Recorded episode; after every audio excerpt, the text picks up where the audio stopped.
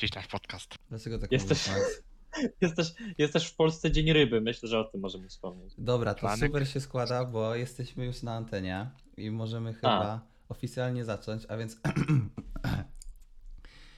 Siema świry, tutaj Kamil Steinbach w waszym ulubionym programie radiowym. Mam nadzieję, że siedzicie już wygodnie w swoich fotelikach, bo czeka nas ostre napierdalanie. Jest ze mną Max. A to taki bardzo fajny performance. A ja od siebie chciałbym pozdrowić nasze wszystkie fanki, które się do mnie usilnie anonsują. Zwłaszcza jedną, nie będę tu wymieniał i pozdrawiam. I jest ze mną również Igor. Cześć, dajcie followa, bo jesteśmy pazerni na numerki. I myślę, że po takim energicznym wstępie, jak już wszyscy są bardzo, bardzo, bardzo ostro nabuzowani, to możemy zacząć nasze 45 minut przynudzania, na które nie mamy w ogóle pomysłu. Co tam u was ciekawego? Coś. Ma, ma, mam nadzieję, że 45 minut nawet się wydłuży i będzie to bardzo spędzony czas. Miło. Mm, Nie ubiegajmy faktów na razie i. Czy my mamy Mamy w nie ogóle właśnie jak się. Nie lepiej jak jest się mówić coś interesującego i ten czas się skraca właśnie. Ej, to jest niezły. W ogóle Wiem, jest idea podcastu chyba na tym. Powinniśmy o tym wiedzieć w sumie. Znaczy, tak właśnie, bo pro, mamy z tym pewien problem, to trzeba przyznać, natomiast Generalnie właśnie, bo to jest zabawne. że Jak sobie ostatnio właśnie stwierdziłem, że skoro jesteśmy już bardzo poważną marką na rynku podcastów, to zacząłem trochę podglądać konkurencję, muszę wam przyznać, nie? I to mnie przeraża, bo ci wszyscy ludzie tam mówią o czymś, że wiecie, że mają jakieś tematy i tam na przykład opowiadają jakieś historie albo coś, a my dosłownie co robimy, to siedzimy i gadamy o jakichś losowych, niezwiązanych w ogóle rzeczach. I to jest piękne. Tak, i ja uważam, że to jest właśnie to, co trzyma Eee. nas wszystkich tutaj. Ja trafiłem, że tam chyba Kuba Wywódzki tam powiedział, to jest zresztą poparte, że w Polsce ta nisza na podcasty jest najszybciej zagospodarowywana i to jednak te podcasty się bardzo dobrze w naszym kraju przyjmują. Ej, tak ale w ogóle zauważyłem, że podcasty, to, znaczy na, pe- na pewno nie można powiedzieć, że to jest zjawisko nowe. Natomiast ostatnio jest jakaś taka serio vibe na podcasty. Bardzo dużo osób z tego, co, jak ludzie, których znałem, którzy nie potrafią usiedzieć przy niczym, wiecie, 20, 20 minut, to teraz słuchają jakichś podcastów, serio. A ja, ja muszę przyznać, że ja podcasty słucham już od dłuższego czasu. Może nie jakieś takie, wiecie, yy, w sporych ilościach, ale zawsze sobie lubiłem posłuchać i to jest dla mnie bardzo zadziwiające, że u nas w Polsce to się tak przyjęło, że naprawdę wszyscy teraz słuchają podcastów, jakby nie patrzeć.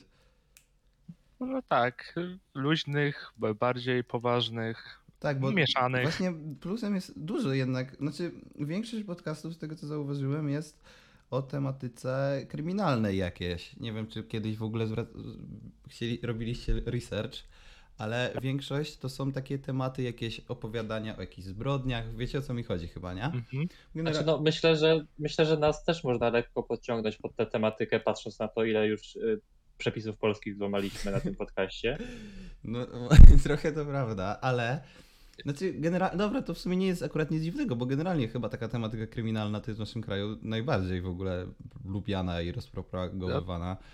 Tak, i zresztą książki właśnie w Mhm. tej tematyce najlepiej się rozchodzą i ten procent czytelnictwa, który jest w Polsce niski, e, to właśnie on też bazuje praktycznie, ci ludzie, co jednak czytają, to jednak w jakiejś połowie kryminały. Tak, są bardzo. Ale bardzo. ja mam, ale ja mam jednak o kryminałach opinię, chyba się domyślasz, dość negatywną. Znaczy, no, muszę przyznać, że ja nigdy kryminałów nie lubiłem. Wręcz bym powiedział, że nie lubiłem ich bardzo.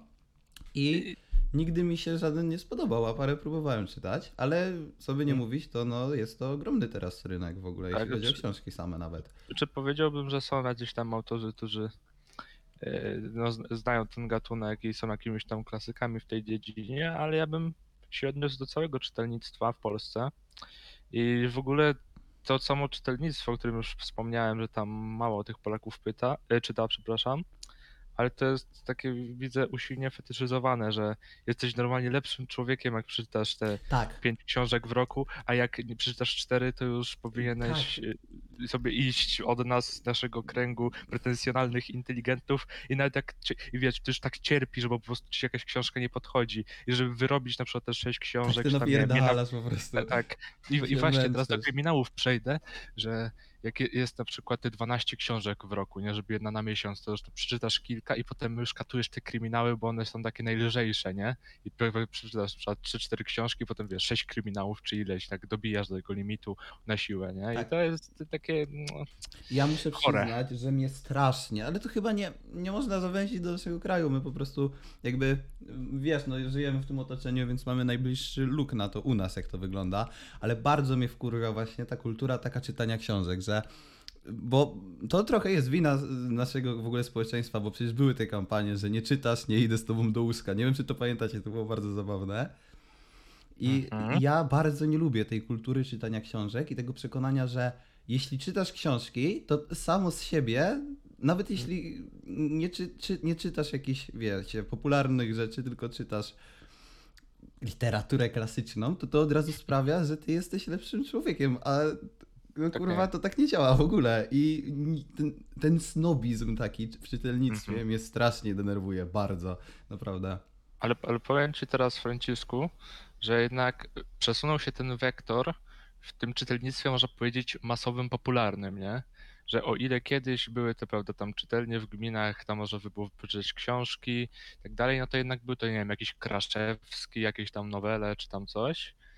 E, A teraz to praktycznie tam w takich, wiesz, ki- kioskach, marketach, dyskontach, to masz jednak książki właśnie takie, mm, no nie wiem, jakieś tam romanse, kryminały, Chyba kryminały najbardziej. Eee, Romansy to już nie są takie chyba bardzo. Znaczy to takie, czy mówię ro, ro, ro, romanse tak w cu- cudzysłowie, bo jednak jak tak przypatrzymy się, kto się w Polsce lepiej sprzedaje, no to po tam kryminałach jest, prawda, pani Lipińska i jej, prawda, literatura dla kobiet. Przy, nie, Lipińska to w ogóle chyba wydała jakąś taką śmieszną ilość książek. Jedną, dwie? Znaczy może ja teraz pani Blance bardzo, y, wiecie, y, ubliżam i okaże się, że ona wydała bardzo dużo książek, o których nie wiem, w co trochę wątpię, ale poczekajcie, zaraz to można łatwo sprawdzić. Bo ja znam tylko to nieszczęsne 365 dni, tak? Tak, Tak. to się nazywa? Tak, ale znaczy ile by nie wydała, to jak ja kiedyś czytałem, to ona była na podium, jeśli chodzi o, pisa, o tych pisarzy w zarobkach, tak? Czyli ona jednak nawet jak wydała tą 365 dni, to jednak przez film tak dalej to się tak wybiło, że jednak te honoraria to ma wysokie. Okej, dobra, poz pozwólcie, że przeczytam wam książki, które pod słowa Google, jak wpiszesz Blanka Lipińska książki, bo jest to Mhm. całkiem urocze. Uwaga, czytam. 365 gun, że gun u takie umlał chyba, nie wiem, to teraz powiedziałem głupotę. 365 days. This day. Kolejne 365 dni. 365 dni. 365 yours, yours, your, nie wiem jak to się czyta, tom pierwszy. 350, 365 dias. W nawiasie Czy- trylogia 365 A, tak, tak, tak. Bo, bo, bo już tutaj zobaczyłem, że ona ma to, trylogię tych powieści, że ma powieść 365 dni, powieść ten dzień i powieść kolejne 365 dni, czyli ma trzy książki. Nie dwie. Okej, czyli my, to sporo. Yy, wiecie, że skończyła liceum ogólnokształcące numer 4 zespołu szkół numer 3? W nie wiem jakim mieście, bo w Puławach. Z Puław jest No, chyba. było bardzo ładne miasto. Byliście kiedyś w Puławach? Ja nie. Byłem, A nie razu. Gdzie byłem są w Puławach. jakieś tam chyba góra, co? Yy, bardziej chyba południowy wschód, tak? Nie mam pojęcia. Zaraz mnie teraz znowu mówimy jakąś kompletną głupotę. Nie, to tam chyba koło tam. Ja byłem chyba wtedy, nie wiem, w Sandomierzu albo Kazimierzu, tak bardziej chyba lubelskie województwo Puławy. Hmm, poczekajcie. Południowy wschód bardziej. Puławy. Na, Miasto naprawdę, zachod- chciałbym tak, ci, lubelskie. No, lubelskie. naprawdę chciałbym ci, Maksiu, w tej chwili wierzyć, ale no, znam cię za długo, żeby ci na słowo ufać. Pisałem maturę z geografii tam parę lat temu i mi nawet dobrze poszła, więc proszę. No, z, his- z historii też teoretycznie pisałeś, ale I też mi bardzo dobrze poszła. I zaraz przejdziemy do tego mojego zacięcia. I to jest Tak, bardzo no, dobre, no bardzo dobry przejście wykonał teraz Max, ponieważ to, co przygot- chcemy, kto chce się pochwalić, to dzisiaj przygotowaliśmy jako taki główne danie naszego podcastu. uważam, a- że mówienie przygotowaliśmy jest troszeczkę ułamaniem Maksiowi, który to samodzielnie zrobił y, jak to się mówi, Nazwałem to oś. oś właśnie, oś timeline po angielsku. No nie jest oś, ale powiedzmy, że, że jest. No to w takim... Y, form, fo, f, y, uwaga, o rozdziel, obraz o rozdzielczości 15312 na 1496. Tak więc Y, Tak, to dobrze, to może nie okrutne by było au- autorowi zabierać, y, wiecie. Więc Max, przedstaw, co dla nas Tak, przygotowałeś. tak. Przygotowałem oś czasu od XVI do wieku XX z różnymi kryzysami, konfliktami w historii Polski i to jest przedzielone, ta oś yy, prawda, dzieli na górę i dół i na górze są prawda, obrazki również na dole i wcześniej jak to analizowaliśmy, to pobrałem od was próbkę poglądów napisałem tam piórem, po której stronie się opowiadacie. Znaczy to nie jest tak, że góra dobra, dół zły i odwrotnie, bo to prawda jest wszystko relatywne w pewnym sensie. Ale to jest moja pierwsza taka większa autorska praca historyczna. I teraz zapraszam na kilkadziesiąt minut bardzo usilnego przynudzania. Tak, prawdopodobnie będzie najnudniejszy odcinek naszego podcastu, dlatego usiądźcie wygodnie, tak już jak było już mówione we wstępie. I myślę, że możemy zaczynać, ponieważ trochę tego jest. Myślę, że Tak? I będę prosił o tempo, tak? E, Czy jeśli tam będą jakieś rzeczywiście rzeczy, w których będziemy musieli się mieli potrzeby takiego głębszego wypowiedzenia, to się zatrzymamy, ale przy niektórych to prawda wystarczy powiedzieć, no. Czyli góra, generalnie y, słowem klucz jest tu konflikt. Konflikty pomiędzy. Wielkie konflikty. Jak y, G, grupa filmowa Darwin kiedyś. Tak, mamy wielkie konflikty. Zacznijmy, zacząłem tutaj XVI wiek i mamy tutaj, e, jeśli chodzi o stan szlachecki, już tam każdej szkole, w, w gimnazjach to było, teraz to nie wiem, czy w, szkole podstawowej jest w programie, ale ruch egzekucyjny i w ogóle ten antagonizm e, przy wyborze króla, e, przy w ogóle polskim ustroju, ten antagonizm pomiędzy interesami bogatej szlachty magnatów oraz średniej i troszkę bardziej ubogiej szlachty. I poprosiłem was tak na rozgrzewkę o określenie się po jednej ze stron, więc przy ruchu egzekucyjnym, czyli tej średniej szlachcie oraz przy magnatach i wszyscy chyba jako, nie, a jeszcze tu kilka razy się zdarzyło, że się we trzech opowiedzieliśmy po jednej stronie o dziwo. Oczywiście opowiedzieliśmy się po stronie średniej szlachty i teraz chcę was zapytać jedno zdanie podsumowania waszych prawda, intencji. No, czy moje intencje, jako ja chyba możemy też się przedstawić jako największego laika. Moje intencje się yy, skłaniały głównie temu, że obarczałem szlachtę, tą największą magnaterię zawsze jako główne źródło w naszym kraju, szczególnie w tym okresie i okresach trochę późniejszych, jako główne źródło problemu. I, I o ile jeszcze były sytuacje, gdzie później ten problem i konflikt wychodził poza granice naszego kraju, to tam już te kwestie były czasami inne, trochę trudniejsze do poruszenia. Natomiast w tym wypadku, no chuj w dupę trochę magnaterii. To jest moja opinia i tyle. Igorze, No, generalnie mam nieszczególnie pozytywne zdanie o szlachcie, tak więc szlachta mniejsza i mam mniej negatywne ze sobą powiązane według mnie cechy. No to dobrze. Cytując- przejdźmy dalej. A jeszcze ty musisz się wypowiedzieć, Maksio. A nie, no to znaczy moje y, intencje są znane, no ja to jednak jak tam uczyłem się o tych wojnach w XVII wieku, czy tam wcześniej, czy też później, to ja trochę tak bardziej identyfikowałem właśnie z tą średnią szlachtą, bo to zawsze mieli takie bardziej reformatorskie i awangardowe podejście do sprawy. Więc to tak można podsumować. No, trochę Ale dobrze, przejdźmy do wojen. O Jezu. Przejdźmy do wojen. I powstanie Chmielnickiego, powstanie kozackie. Zgadza I się. tutaj można powiedzieć, na trzy strony się rozpieszyliśmy. E, Ty, Franciszku, poparłeś wizję kolonizacji dzikiej, dzikiego Zaporoża, dzikiej Siczy przez Tak. Polaków. Zgadza Ja się. tutaj jednak stanąłem po stronie wolnej ludności, która się zbuntowała przeciwko koronie, a raczej nie koronie, tylko szlachcie. Zaś Igor stanął w środku. Igor nie zdecydował się stanąć po żadnej ze stron. I teraz chciałbym was wysłuchać. Jebać kozaków, byli brudni do, byli Co do- ci ta Ukraina zrobiła, Franek? Obrzydliwi są. Dos- Czy ja w ogóle mogę tak mówić na tym podcaście? Dobra, ryzyk fizyk. Oni, przecież to było dosłownie Hunowie, tylko jeszcze zatrzymani po prostu. Wiem, że to jest bardzo niedokładne określenie, ale bo ja po prostu nie podoba mi się wizja kozaków i cały koncept ko- bycia kozakiem. No jak wiemy, jesteś pizdą. Właśnie, bo y, dosłownie w sensie jedyny plus kozaków to to, że nazywali się kozacy, co jest umiarkowanie zabawne, ale to jeszcze nawet nie jest na tyle zabawne, żeby... A poza tym kozacy zawsze byli popychadłem kogoś, to niekoniecznie znaczy, że akurat już... Ale zobacz, wolna ludność mieszkająca tam w stepie i teraz wykształcili tam w sobie te wie, wiece tej ludności, tam wybierali tych swoich atamanów i tak dalej. Czyli oni tak mieli dość taką, czy no postępową, no taką moim zdaniem ogarniętą tą strukturę społeczną, nie? Że tam sobie nie, nie mieli żadnego tam pana, na którego musieli tam hierarchicznie odrabiać pole, no ale ty może bardziej sobie cenisz takie e, uporządkowane folwarki. Tak, uważam, nie jest problemem władza, tylko ja uważam... Nie, dobra, nie mogę, skoń... nie mogę się wypowiadać, nie mogę skończyć tego zdania na tym podcaście. Igor, co o tym myślisz?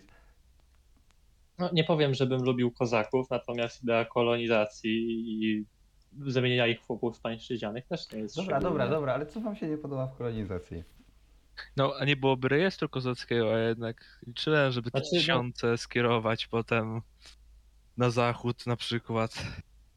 Co jest złego w kolonizacji kozaków? Nie potrafię tego zrozumieć. Dlatego, że byli na wschodzie, a zwrót, zwrot na wschód był chyba największym błędem w historii Polski całej. Znaczy więc... tak, no to już pomijając oczywiście to, że to była głupota, ale no, no pomijając powód, dla którego uzasadniacie swoją opinię, to nie rozumiem was zupełnie. dokładnie, w sensie stary, ja naprawdę chciałbym ci udowodnić, że yy, nie masz racji, ale ja po prostu mam niechęć do kozaków i to nie jest uwarunkowane niczym takim wewnętrznym. Czy my nie E, dostaniemy dobrze, jakiegoś ale- pozwa ale- ale- za ten przepraszam. podcast? Ale, ale kto, kto, kto napisał obiektywnie najśmieszniejszą rzecz, czyli list do sułtana? Polska szachta czy kozacy? No dobra, ale to każdemu się może zdarzyć powiedzieć coś śmiesznego czasami, No to prawda. więc to nie można oceniać po jednym. Prze, prze, przejdźmy dalej do potopów. Przejdźmy dalej o parę lat. I bo my oglądaliśmy niedawno, przypominaliśmy sobie, niektórzy oglądali pierwszy raz film Potop, Bardzo dobry bardzo film, fajny, bardzo z Olbryskim i tak dalej. I teraz tak, mamy właśnie, zwizualizuję wam, bo ja tutaj mam przed oczami ten obrazek, jak Olbryski obejmuje na saniach, taki tam zmierzwiony śniegiem, y, panią Braunek, taki uśmiechnięty. I prawda, jak wiemy, Kmicic tam zdradził, chociaż on to zmieniał stronę kilkukrotnie. Ale no, poparł Szwecję, prawda? Dał się namówić przez Radziwiła. I Igor i Franek, bazując na e, tych odczuciach po filmie, byli ty jesteś zakochani. manipulantem, ale ty jesteś manipulantem. Zakochani, nie, nie, nie, nie mieli jeszcze takim emocjonalnym takim zrywie, stanęli po jego stronie, zaś ja, prawda, taki zimny, e, takim zimnym umysłem, rozsądem jednak, mamy tutaj na dole widzę wąs Michała Wołodyjowskiego, który nieodparcie mnie do siebie przy, przybliża i jednak ja zostaję po stronie polskiej Bardzo- z protestancką północną nawałą. Bardzo, inter... bardzo interesujące, Maxie, natomiast y, wysłuchaj kontrargumentu. Wiwat Carolus Gustavus, król Szwecji. Dzie- Dziękuję. I, y, ale właśnie, bo to jest y, ten obrazek też może trochę, bo jeśli ja miałbym oceniać same te postacie i mowa tutaj jest dosłownie o filmie i odbiegamy od tego konceptu tak. historycznego, no to ja bym miał bardzo duży problem, ponieważ wciąż chyba nie rozwiązałem tego takiego wewnętrznego dylematu, kto był fajniejszy, Wołodyjowski czy Kmicic. Dwóch czadów. Tak, bo, ale oni byli inaczej zbudowani, bo wiecie, bo Wołodyjowski to był taki typ po prostu, co wchodzi, rozpierdala i wychodzi i tyle, nie? On był po prostu... Mimo niskiego wzrostu. Tak, Na wielkoluda właśnie wyglądasz. On był po prostu takim, y, wchodzi, wiecie, rozpierdala, wychodzi i jest po sprawie. A Kmicic był bardziej złożoną postacią. Nie mówię, że był lepszą postacią, ale był właśnie taką, był bardziej edgy na pewno. To chyba się musicie zgodzić, że Kmicic był milion razy Tak. edgy. Bardziej. Tak, tak. To prawda. Mm, ale mimo wszystko tak, A Szwecja. teraz utrz- u- utrzymamy się w tym ocenianiu postaci, bo tutaj następnego widzę Augusta II Mocnego i Stanisława Leszczyńskiego. I tutaj opcję polską tym razem wybraliście wy. Ja zaś stanąłem przy saskim postępie Wetynów. I, I no co, no warto wspomnieć słuchaczom, że To właśnie może mini background taki mały, bo to jednak Tak. chyba jest... Tak, tak, no właśnie chcę, chcę, chcę dać. No, Leszczyński, tam dwukrotnie król Polski, tam przez polską szlachtę, prawda, w cudzysłowie król Piast, y, o, tam orientacja, prawda, no już nie, nie, nie, prorosyjska, tak jak Sasi. No zresztą czy tam do Francji potem wyjechał, dostał tam chyba Tak, w w Lotaryngii. albo w Lotaryngii. Lotaryngii chyba, Lotaryngii, tak. No, zaś August II Mocny, jak sama nazwa wskazuje, bardzo silny człowiek, mający dziesiątki, jeśli nie nawet ponad setkę dzieci się spotkałem z takimi domysłami. No i no, pi- pijał sobie z carem Piotrem Wielkim gorzołkę.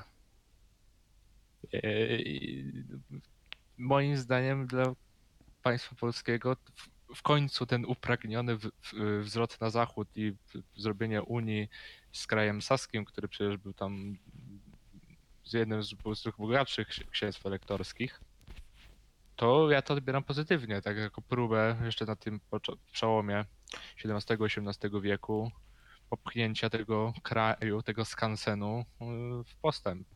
Wiecie, Ale że- jednak stanęliście po stronie postaci e, nieszczęśliwej, która musiała uchodzić do Francji i tam prosić bodajże swojego zięcia o ziemię, prawda? Maksiu, wy, Francuską. wybacz, że ci przerwę i na chwilę lekko odejdę od tematu, ale czy przy przedstawianiu historii nie powinno się być w miarę neutralny? A znasz kogoś takiego?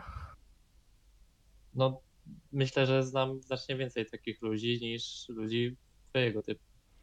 Wiecie, że podobno Słucham. August Mosty łapał, łamał łyżki w palcach, że potrafił wziąć łyżkę i ją tak w palcach złamać. Ale nie wiem, No czy ja- to jest prawda, bo to brzmi jak Ja, ja, ja, słyszałem. Że- Nie wiem, czy to jest prawda, wymyśliłem to 15 sekund temu. ja słyszałem że, on, że, że on podjeżdżał tam w bramę i się łapał do rążka, obejmował konia nogami i się z tym koniem podciągał. A to jak on był taki dojebany, to czemu był taką ciotą na tronie? Taką ciotą. Nieważne. Nie, ja No, wybrałem... jakby, nie był, jakby nie był ciotą, to byśmy go wybrali. Ja, ja, no, krótka piłka, goście. Ja wybrałem Leszczyńskiego, bo kocham desperatów. On był najlepszym przykładem desperata. Nie uważaj, za- zaprzeczcie, nie da się temu zaprzeczyć. No, no Leszczyński był był. des- desperatem, a desperaci są zawsze super. Prawda. Już mówił tam, dajcie mi tego, ale już naprawdę mnie nic nie obchodzi, po prostu niech to się skończy, dajcie mi tę koronę. to był dosłownie, on musiał być smutną postacią generalnie. Bardzo, jedną z Mariusz na poza ojczyzną. Pokonany. I i te, te, teraz będzie ciekawa sprawa, bo nie tylko tym razem nie tylko we mnie, ale również u was odezwał się pierwiastek Simpa. Czy wiecie o co Wyobraź, chodzi? wy, wyobraź sobie, że to nie był główny powód, którym się kierowaliśmy. Pierwiastek Simpa i mamy Konfederację Barską, a po drugiej stronie taka dumna caryca Katarzyna. Mały taki background. Konfederacja Barska w drugiej połowie XVIII wieku była reakcją na to, że państwa zaborcze też, bo to było też na gruncie religijnym uwarunkowane, bo państwa zaborcze chciały, czy zaborcze, no przyszłe zaborcze, no a jeszcze wtedy nas nie rozebrali. Wtedy jeszcze niestety Jeszcze- nie. Wtedy jeszcze nie, ale im zależało na utrzymaniu tolerancji i wolności ich religii, czyli prawosławia, e, protestantyzmu, a Konfederacja Barska e, prawda, założyła tę polską rogatywkę i krzyknęła, tu jest Polska, żeby. Polska była Polską. Tu jest Polska, tu jest bastion ksenofobii w Europie. Tak, tu, tu jest... I jeszcze, y, no, też y, bastion przedmurze chrześcijaństwa i oni powiedzieli, tu jest Polska, Para. nie będzie nam Niemiec kazał szanować innych religii i każdy te szable dobył i ruszyli, i ale no szybko, że tak powiem, korpusy rosyjskie ich y, zniszczyły. Ale to właśnie. Yy, coś chciałem powiedzieć. Czy w Konfederacie Barscy nie mieli jakiejś takiej piosenki znanej bardzo, pieśni? Jedzie Drewicz, jedzie, to? Nie wiem, chyba, w sensie, Nie. bo ja pamiętam kiedyś coś usłyszałem właśnie i chyba to było Konfederacja i nawet mi się spodobało to, ale nie pamiętam.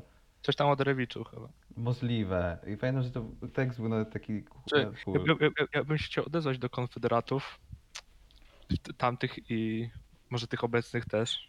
Jakieś jednak są podobieństwa, musicie przyznać. No to Tak, tak więc jeśli, jeśli jacyś konfederaci barscy nas słuchają w tej chwili, to prosimy o na, namyślenie się nad swoimi postępami. Tak, Tak, tak y, przepraszam, że przerwę. Jest pieśń Konfederatów Barskich, to jest to Nigdy z królami nie będziemy w aliansach, coś takiego, wiecie.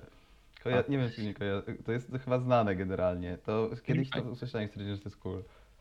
E, No w każdym razie do wszystkich konfederatów, no i- ja naprawdę lubię takie zrywy, ale jeśli to ma być reakcja totalna i powrót do czegoś, co było kilkadziesiąt lat temu, a kilkadziesiąt lat wcześniej też było źle, przypominamy sobie początek XVIII wieku, no to jednak no konfederaci barscy, no nie popisaliście się, no nie, to, to, to nie tak miało być. I zresztą to się skończyło potem pierwszym rozbiorem, tak, czyli już państwa ościenne stwierdziły, no, że trzeba No dobra, no. działać. No, no to i dobra, to jedna pozytywna rzecz wyszła z ich działań akurat. Przejdźmy dalej. Przejdźmy Ej, dalej. poczekajcie, chwilka przerwy. Myślicie, że zostaniemy przez to drugą historią bez cenzury? Mam nadzieję, że tak. Ej, może powinniśmy dać sobie w tagach, że jesteśmy jakąś reinkarnacją Tak, historii bez chyba. cenzury. Jeśli, jeśli, jeśli, jeśli tak, to nagrywam s- sudoku popełnione. Ale mamy, ale, ale w sumie z takim podawaniem takich wyolbrzymionych, czy tam... Właśnie, tylko- często nieprawdziwych. tak, podanie nieprawdziwych, nacechowanych całkowicie na nasze osobiste opinie faktów historycznych. To jest Tak. akurat w vibe historii bez cenzury, więc... My jesteśmy i, i wilk historia od cenzury być jak. Więc y, Wojciech Drewniak, tak? Tak. Jeśli Tak, nas tak, słuchasz, to skontaktuj się z nami, nagramy coś, wierzę. Ko- Kolawo, kolawo. Czekaj, bo ja kurczę widziałem, bo ja ostatnio tam komentowałem, bo ja musiałem się wypowiedzieć o nich. Ale chyba tego nie znajdę w tym momencie. A to może przytocz szybko, bo No tam był kontekst, no co sądzicie o historii bez cenzury i tam nie musiałeś swój elaborat, że- elaborat wygłosić. No musiałem, no tam jakoś to skwitowałem, e, że Napisz O, nie o, używając co najmniej 500 słów. jest, jest, no tam napisałem, że taka nowohistoryczna propagandówka wpisująca się w tendencje polityki historycznej ostatnich 30 lat, koniec cytatu. Dobra, Max, może przejdźmy dalej, zanim już całkowicie utniesz naszą szansę na współpracę z Wojciechem Drewniakiem, na którą bardzo liczę, więc może przejdźmy już dalej. Wydaje mi się, że już ucięliśmy sobie możliwość współpracy z Instytutem Pamięci Narodowej. Myślę, że ucięliśmy sobie możliwość współpracy z kimkolwiek. Dobrze, przejdźmy dalej. Teraz będzie ciekawie. Trzeci, Konstytucja 3 Maja i Targowica. A, No, To jest, to jest paskudne słowo. dobrze. To od której strony chciałbyś zacząć, Maksiu? No, Chyba tej lepszej, no, reformatorskiej. Dobrze, proszę bardzo. No, przede wszystkim mm, mm, dru, druga konstytucja yy, na świecie pie, pierwsza w Europie, tak? Bo Francuzi mieli chwilkę później. Tak, trochę się zawsze o to starają Francuzi z tego co tak, słyszę. tak, tak. No. Em, No na pewno takie niespotykane, nie? że e, kraj, który miał przez tam 100-150 lat taki przestój totalny legislacyjny, załóżmy, nie taki, prawda, kompletny, no ale jednak nagle wydaje ci taką, można powiedzieć, e, taki akt, który wywraca wszystko do góry nogami i skończy się praktycznie upadkiem tego kraju, no to jest coś ciekawego w tym. Znaczy na pewno było to zabawne y, generalnie y, wydarzenie. Tak, że po prostu Polacy już tak przy, przyparci do muru zdecydowali się z, jednak zrobić coś postępowego, coś dobrego, po prostu zerwać z tym starym porządkiem, ale to okazało się być jeszcze większym gwoździem do trumny. Że i tak by się zakończyło upadkiem, ale jednak znaleźli się ludzie z odwagą i powiedzieli, no, e, że w, może da się to jeszcze jakoś odkręcić, że może znajdziemy. Nie dało się. No nie dało się, że tam Rosjanie nam może pomogą, jak im obiecamy tysiące żołnierzy w wojnie z Turcją. Ale teraz zacząłem się przy tar- Targowicy. Zobaczcie, jakie paskudne słowo Targowica. Przez tyle lat nabrało takiego znaczenia, było używane wobec każdej władzy, każdej opozycji. No i bardzo... Synonim zdrady w. Polsce. Właśnie uważam, że niedobrze było używane. No Po, tak, powiem tak, Targowica chyba Trapowica. Gościu. No ja powiem tak, no y, cała śmieszność Konstytucji 3 maja, o ile no bo to było absurdalne i nie miało prawa takiego istnienia. Może jako taki symboliczny właśnie. tak mi- mi- mi- mimo, że to było naprawdę przemyślane i dobre i rewolucyjne i super, tylko pamiętajmy, że żyjemy w kraju, który jest prawda, w granicach już nienaturalnych, powycinanych niemal nożyczkami, e, w którym nie- ma praktycznie organów centralnych, urzędników, wojska, nic nie ma. I przychodzi król i mówi, uleczymy ten kraj i prawda, wydaje taką wielką instrukcję, jak to zrobić, no tylko już nikt nie mógł tego wprowadzić. No to już takie myślę bardziej właśnie, ja nie, nawet nie wiem o ile sam na przykład król wtedy Poniatowski wierzył w to, że mu się cokolwiek uda zmienić. Zresztą król przecież przystąpił do To Targowicy. prawda, dlatego też przyjąłem piętno zdrajcy w tym Tak, tutaj. przyjąłeś się tam.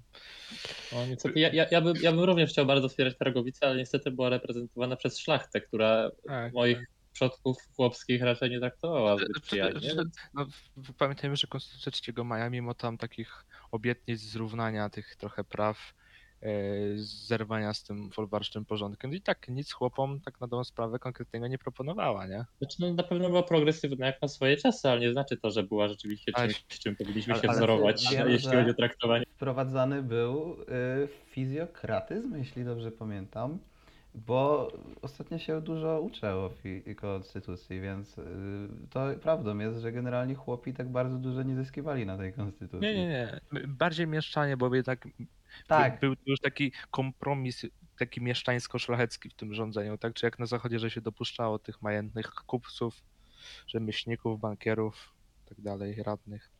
no to co dalej, następne Ale chyba. przejdźmy dalej do Tadeusza Trapciuszki. Trafciuszko i tutaj- chyba lepiej. No, Trapciuszko i tutaj mam tego pana. I po drugiej stronie są bada wojska rosyjskie e, masakrujące kosynierów. No, mo- moim zdaniem, no, to ja, ja jestem pełen podziwu. O ile, prawda, królowi nie udało się obronić konstytucji, to potem przychodzi typ ze Stanów Zjednoczonych, który tam dawał pistolety Indianom. Niczym Joanna Krupa z UK wracająca do tak, następnego tak, sezonu tak, i- Top Model. Te tak i, i mówi, kurwa, wszystko muszę robić sam. Mówi tak, I po fuck. prostu przychodzi na ten rynek w Krakowie, składa przysięgę. Jednym uniwersalem połanieckim tam, prawda, wyzwala tych chłopów i raczej tam im obiecuje, tak, że tam ci, co tam pójdą pod broń i no ci, oraz jeśli zginą, to ich synowie tam zostaną tam wyzwoleni. No i praktycznie udało mu się zebrać naprawdę niezłą ekipę. Mimo tego, że nie mieli broni, nie mieli funduszy.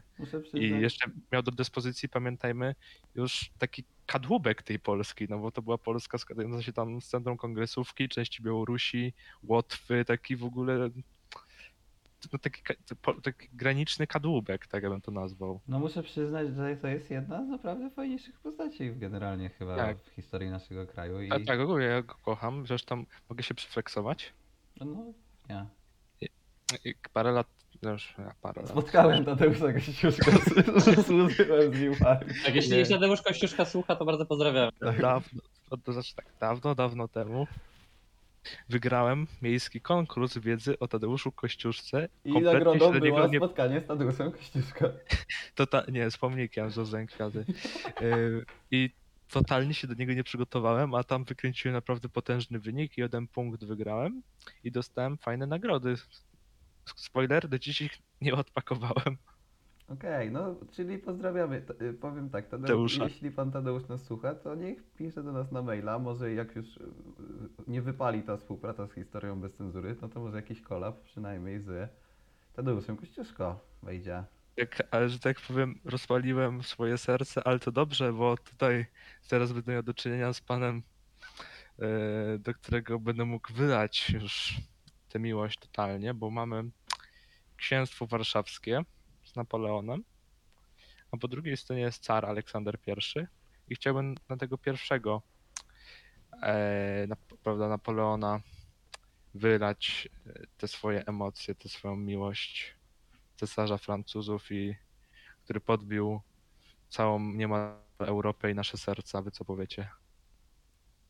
Krytyczne, o, o, o, ile, o ile Napoleon zdradził ideę rewolucji francuskiej, to na pewno należy mu się krytyczne wsparcie w walce z europejską reakcją. Ja tam No. nigdy nie lubiłem go. Takie Krytyczne wsparcie towarzysza cesarza.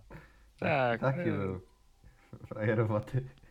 Znaczy, to, to trzeba przyznać, że też ta cała wojna wielka z Rosją to tak przeorała nasz kraj, że były przypadki, że tam na Litwie gdzieś tam się szlachta składała, żeby tam wystawiać pułki dla Rosjan, żeby po prostu zatrzymać tę półmilionową armię, która wszystko pożerała po prostu na swojej drodze.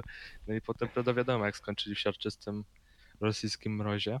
Bo ja zawsze miałem takie, znaczy pewnie ja teraz będę kolejna głupota historyczna, ale czy Napoleon był naprawdę aż takim dobrym dowódcą, jak się go obecnie maluje? Tak. Mm, No. Pod względem, tak, pod względem taktycznym był. I znaczy praktycznie, no też to, to jest znaczy- taki całokształt, prawda? Mentor, no jak nie? No nie. Pod Jak nie? względem, logis- pod względem strategii ogólnej na logistyce polegał na marszałku. No ale teraz mówię bardziej o pod kątem ps- psychologicznym, prawda? Jako mentor, jako ten Pod względem towarzysz. No, to też... On miał wiele No. zalet. O chuj kurwa znaczeniami. No dobra, to chyba dalej, co? Nie dajmy Maxowi rozpałać tej miłości i do zarazy cesarza. dalej. A może następnym razem 45 minut przeznaczymy na rozmowę o tym, jaki Napoleon był zajebisty do końca. To, będę się wal- będę walczył z silną opozycją, no ale czego się nie zrobi dla konsula, cesarza.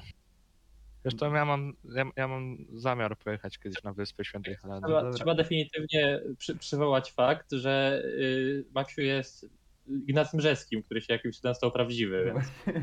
E, Właśnie Chciałem skrzyżowaniem Wokulskiego i Rzecki Rzeckiego. wracajesz dalej. Ale ja jestem skrzyżowaniem Wokulskiego i Rzeckiego, bo ja też padam z Wokulskim wiosłem. Dobra, lecimy Dobrze, tro, dalej. dobrze, dalej zanim się w te tematy zagłębi. Dobra, je- jedziemy w XIX wiek i powstanie listopadowe. Baza. No to tutaj też jeden z niewielu, gdzie się zgodziliśmy wszyscy, że Tak, mi- mieli szansę, była to regularna, tak, dobrze wyszkolona armia. Yy, jednak już jak tam napomknęliśmy tam już chyba w wcześniejszych podcastach, bo tam to, to chyba ze dwa razy przynajmniej się to przewinął ten temat. tak, lubimy No, wracać do zaborów, mam jakiś sentyment do zaborów, trzeba przyznać. Tak, tak, tak. Każdy jest z innego zaboru z nas. Nie. Jak? To? Tak, to, obiektywnie jest to nieprawda. cicho, cicho. Mentalnie, powiem tak, Nie- mentalnie. Jeśli byłby pierwsze granice przed Kongresem Wiedeńskim, to miałbyś rację sobie i Franka i ciebie. Bo byśmy byli z dwóch różnych zaworów. Natomiast No, no, ja tam jeszcze tkwię mentalnie, tam w takich... No ale tak, powstanie listopadowe, bardzo fajne. musimy się jeszcze dzieciństwo przypomina, więc mylą te zabory. To jest tak jak ludzie czasem o Jugosławii mówią. To jest tak. A Jugosławia tak dawno temu nie upadła.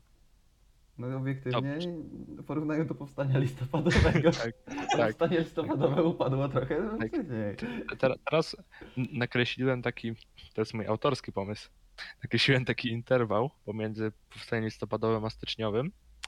I gdzie byście się ustawili, jako lojaliści rosyjscy, czy jednak ci, którzy mówią, no powstanie listopadowe się nie udało, ale jednak musi, musimy ten kwiat młodzieży jeszcze tak spróbować e, tam skierować przeciwko carowi za wszelką cenę, po prostu walczyć, nie brać udziału w rozwoju gospodarczym kraju, tylko za wszelką cenę tam próbować.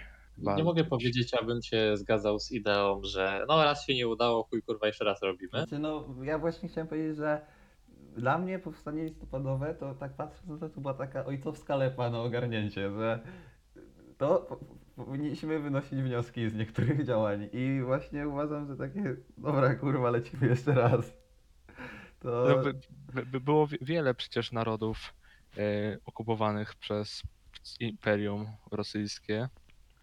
Polacy nie byli no, prawda, jakoś jedynym takim, nie wiem, głównie pokrzywdzonym. Ale no my jednak mieliśmy te zapędy rewolucyjne.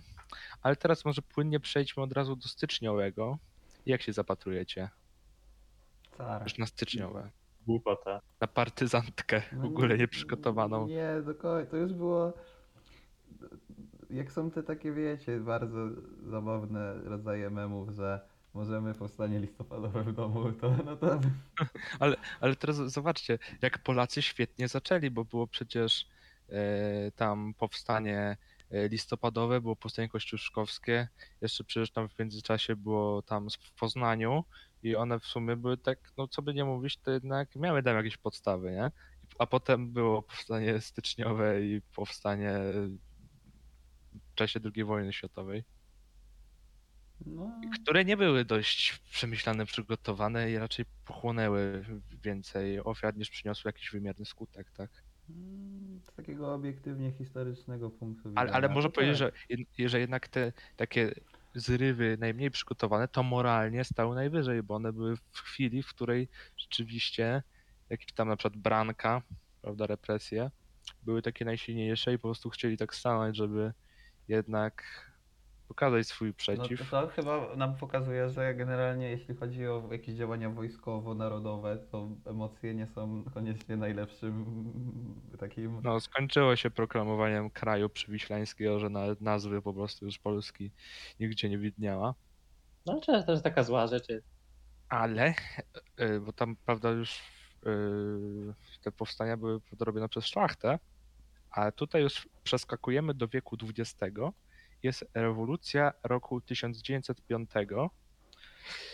i to a właśnie chyba takie najbardziej wśród y, ówczesnych y, społeczeństwo dzieliło, bo prawda, jak wiemy, narodowa demokracja tam przyszła. I ci deputowani tam e- endeków, to jednak prosili cara, żeby car y, jako ojczulek tych robotników tam uporządkował i nie pozwolił na eksplozję tam jakichś socjalizmów. Car Mikołaj II. I w tamtym okresie to jeszcze w miarę się chyba udało. No, a do- wiesz, no bojowcy wyskakiwali tam, robili zamachy, były zadymy, były strajki. To, to, to był ten dziki zachód, o który ja tyle walczyłem. No, myślę, że ten właśnie okres to jest dosyć, można go najlepiej właśnie, taki spóźniony dziki zachód Polski. Podoba mi się tylko to, że przy, nie wiem czy mogę to powiedzieć, to chyba nie jest banalne, że przy wizerunku cara jest pistolet doklejony do głowy. T- tak. Ale to takie zdjęcie, jak, takie zdjęcie znaleźliśmy po prostu. Tak, ono nie, nie reprezentuje poglądów nikogo z nas. Dokładnie. Chociaż naprawdę Znaczy, nie, nie, może, może inaczej. Nie mówimy, że reprezentuje poglądy któregoś z nas. w sumie My tylko mocno byłoby zasługujemy. to, byłoby to bardzo dziwne, że Polak, który mieni się tam patriotą, się miałby oburzyć na zdjęcie cara tam z pistoletem przyłożonym, no bo jednak wielu prawda. Polaków w tamtym okresie o tym marzyło, tak? Ale przecież, ale czy car Mikołaj nie był typowego Polaka patrioty w sumie też takim odzorowaniem? Nie, nie, nie, nieudolnego władcy. Nie, tak, nieudolny władca, ultrakonserwatyzm. Nie, no, do, do tego mówię, że przecież tam endecy to tam prosili carze, weź tam tych robotników ogarnij, bo my chcemy żyć pod twoją petersburską knagą, a nie tam, żebyśmy tam z, z naszymi rodakami mieli się jakoś układać, żeby robotnikom los poprawić. No dobrze, to jak, jak, jak już przyjmujesz takie podejście, to jak swój następny wybór uzasadnisz?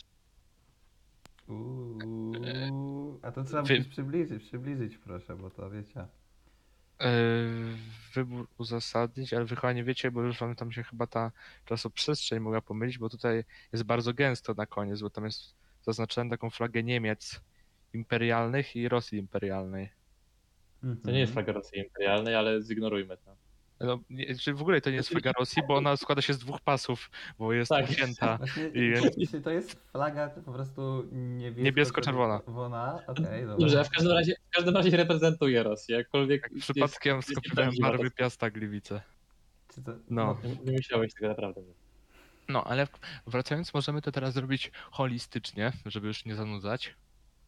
I całą tą sprawę polską w trakcie I wojny światowej, tam endeków, socjalistów, ludowców, konserwatystów, ślązaków jako osobną orientację polityczną, O Polaków, Ślązaków, tak, e, jak i pod późniejszych prezydentów międzywojnia, rozwojny z bolszewikami, to możemy omówić, tak, I całościowo. Mhm. Jak wy się wypowiecie? Jakby tam wasze losy wtedy wyglądały? Znaczy, muszę, nie wiem dlaczego mam straszną niechęć w ogóle do tego okresu. Nie wiem dlaczego bardzo mnie obrzydza, to chciałem powiedzieć na początku. Jakoś tak bardzo mnie zawsze. Bo może jest najbardziej w ogóle yy, wybity na salony w oświacie, tak? Bo jednak to Tak? się najczęściej tam obchodzi, tam na lek- lekcjach języka polskiego, historii, to ciągle jest to odzyskanie tej podległości i tak dalej. Nie. Tam się z moich z moich doświadczeń ten okres, przynajmniej jeśli chodzi o lekcje historii w oświecie, o świecie, jest okresem, który się ledwo co omawia, bo już nie starczy czasu pod koniec semestru. No Tak, ale, to ale jednak on się, on się przewija tam przy jakichś tam uroczystościach, tam świętach. Ale jest to co im... nieuniknione. No tak, ale no to mniej w oświacie, bardziej w takiej ogólnej kulturze. Na pewno w świadomości narodowej dosyć chyba jest mocno przewinięty. Znaczy to i tak pewnie jest dosyć płytko, tak płytkie zakorzenienie. Znaczy oczywiście nie chcę obrażać, bo może się okazać, że ja Dobrze. mówię bardzo nieładnie i kogoś obrażam teraz, ale yy, no wydaje ale- mi się, że jest jakoś minimalnie zakotwiczony. Ale wracając do osi i flag. e, Czemu, jak chcecie swoje decyzje uzasadnić? Jako, że ja i Maksiu stajaliśmy po stronie rosyjskiej, Franek zaś po niemieckiej. Niemcy mają ładniejszą flagę. A to, to, jest moim zdaniem bardzo merytoryczne podejście. To jest Ja, mocny argument. i- ja już się chyba wstrzymam od swojej wypowiedzi, bo zostałem zaorany. No, ja muszę powiedzieć, że raczej ze względu na to, że panslawizm jest, Tak, tak, tak, bo jest, jednak- jest panslawizm jest mniej głupi niż zwykły patriotyzm, więc y, właśnie ja bym chciał powiedzieć, że jedną z moich pierwszych miłości politycznych jako dwunastolatek to jednak pan slawizm to bardzo mi tam oddawał, bardzo mi się podobał pan slawizm. Ale Jakiś tam został no sentyment. nie, w, mo- w moim wypadku to jest raczej jed- jedna z mniej głupszych głupot, ale no. Znaczy, no, ale nie no, czy powiem, czy to nie jest piękne, że ci Słowianie ujęci w tej, prawda, w Europie Środkowo-Wschodniej i Wschodniej chcą się, prawda, cali zjednoczyć. Wiadomo, że to, jak, jak, jak, to, jak, że to jest chyba jedna z najbardziej kłó- kłótliwych grup narodów i po prostu się różną między sobą do Tak. dzisiaj. Ale no jednak to była ta idea, tak żebyśmy wyprzedzili Zachód, żebyśmy to my ten, No. Nawet, Yy, nawet, jakieś, środek. nawet jakieś 13 ludzi w nią wierzyło. tak, ten, ten środek ciężkości przesunąć na ten nasz orient i to właśnie e, wykorzystać te si- siły tw- wytwórcze tych intelektualistów, to wszystko, żeby właśnie tutaj zabłysnęły te nowe idee, nowe technologie, nowa siła. No, robotnicy nie mają ojczyzny. wiecie, może za, zaczynam podejrzewać, że zdecydowanie za dużo czasu poświęcamy tematowi panslawizmu. No tak, tak. E, A to jeszcze mam... Ale przechodząc do następnej, następnego kawałka historii, Czy nie, my, Mamy- tak, tak, tak, możesz mów, mów, mów. mamy figury historyczne z okresu dwudziestolecia międzywojennego. No, większość z okresu dwudziestolecia międzywojennego. Jed- Jednej osobie się na przykład dożyć tego nie udało. Eee, no tak, popłynęła, że tak powiem. Mamy, zgodnie z ruchem wskazówek zegara, Józefa Piłsudskiego, to jest Witos, tak? Drugi. Tak, Witos. Witosa? On miał Wincenty? Vincent de Vitos. Tak, bo chciałem powiedzieć Witold przez chwilę i tak mówię, coś mi nie pasuje. Ale powiem ci, Ej. jemu to by nie przeszkadzało. Znaczy nie wiem, czy bym zauważył różnicę w sumie. E, Wojciech Korfanty, czekaj, wskazówki zegara to później służa Luksemburg. E, Ignacy Daszyński z dorysowanym nieumiejętnie wąsem i Roman Dmowski. No rzeczywiście, zarysowałem mu wąsa. Dlaczego tak zrobiłeś, Max? Wyjaśnij. Nie wiem. A ty, ty właśnie, Franek, się opowiedziałeś po stronie Dmowskiego. Znaczy, Zgadza myślę, że ty masz więcej do wyjaśnienia w tej Tak, sytuacji. to masz więcej do wyjaśnienia, Franek. Nie wiem, w sensie... mm, ani- Rozpierdoliłem mi, sorry chłopaki. Powiem tak, no generalnie uważam, że Dmowski jakieś tam minimalne, na, na, szczególnie na przykład na konflikcie Piłsudski-Dmowski, to rację jednak chyba bardziej miał pan, yy, nie mogę użyć tego słowa na F, no ale pan Roman. Do tego to on jednak gadał z Zachodem w większości przypadków. Znał język. Mhm. Na- Nauczył się tam pod biurkiem cara. Tam w- upadł mu jakiś słownik Chciałeś to powiedzieć. z pańskiego stołu i wiesz, przeczytał tam y, ten rozmówki rosyjsko-francuskie czy coś, a rosyjski znał dobrze. No to nawet jeśli tak było, to uważam, że mimo wszystko jednak coś tam y, można mu przypisać. Minimalnego chociaż. Ja- Pomimo ja oczywiście, że na starość trzeba zaznaczyć, że mu odjebało z tego co czytałem. I ja już naprawdę A tak, dobrze, że- poglądy niektóre. Gdzie też są taki Dobrze- trochę dobrze, desperat, że- jak tam z Piłsudskim rywalizował jedną kobietę tam, nie? Taki miał. Dobrze, że panu Józefowi Piłsudskiemu na starość nie odjebało i nie dopuścił się czegoś takiego jak zamach stanu, czy coś takiego. Ale akurat panu Józefowi to odjebało chyba trochę wcześniej niż na starość. Tak, jak już, ale, ale powiem wam, że po, po, po stanie jak mu potem, jak wiesz, tam na te ma- Madery i inne tam dymy, afery. No, więc. y, a no i reszta chłopaków powiedziała się przy Luksemburg. To było wow, co za niespodzianka. No, Prawda, znowu pierwiastek simpów się u nas odezwał, prawda Igorze? W tej sytuacji muszę przyznać, że to Nie, Róża. tak. Ja czytałem jej artykuły. No. f- Jednak ona na zachodzie to chyba z tych mm, Pol Polek jako polityczek to chyba jest jedyną taką znaną polską polityczką na zachodzie. Chyba, że mi tu A- kogoś A wytkniecie. ile, jest, a ile jest znanych polskich polityczek w Polsce z tamtego okresu? No właśnie, w tym jest cały problem. Ale też mówię o zachodzie, nie? Że jednak się tam przebiła. Zresztą jak tam siedziała, to nic dziwnego. Jak, jak ktoś mądrze pisze, to się przebija na zachód czasem. No właśnie, i teraz i widzisz, że a wielu polskich pasjonatów historią tylko rozumie przez, odnajduje przez pryzmat właśnie żartów z, z utopienia jej. No nie, nie, Nie jest miło. to ostatnia postać w historii Polski, która będzie kojarzona z żartami o utopieniu, ale myślę, że możemy poruszyć ten temat kiedy indziej. A teraz możemy przejść do ostatniej już chyba. A czy możemy po- poruszyć ten temat, co jest teraz na osi?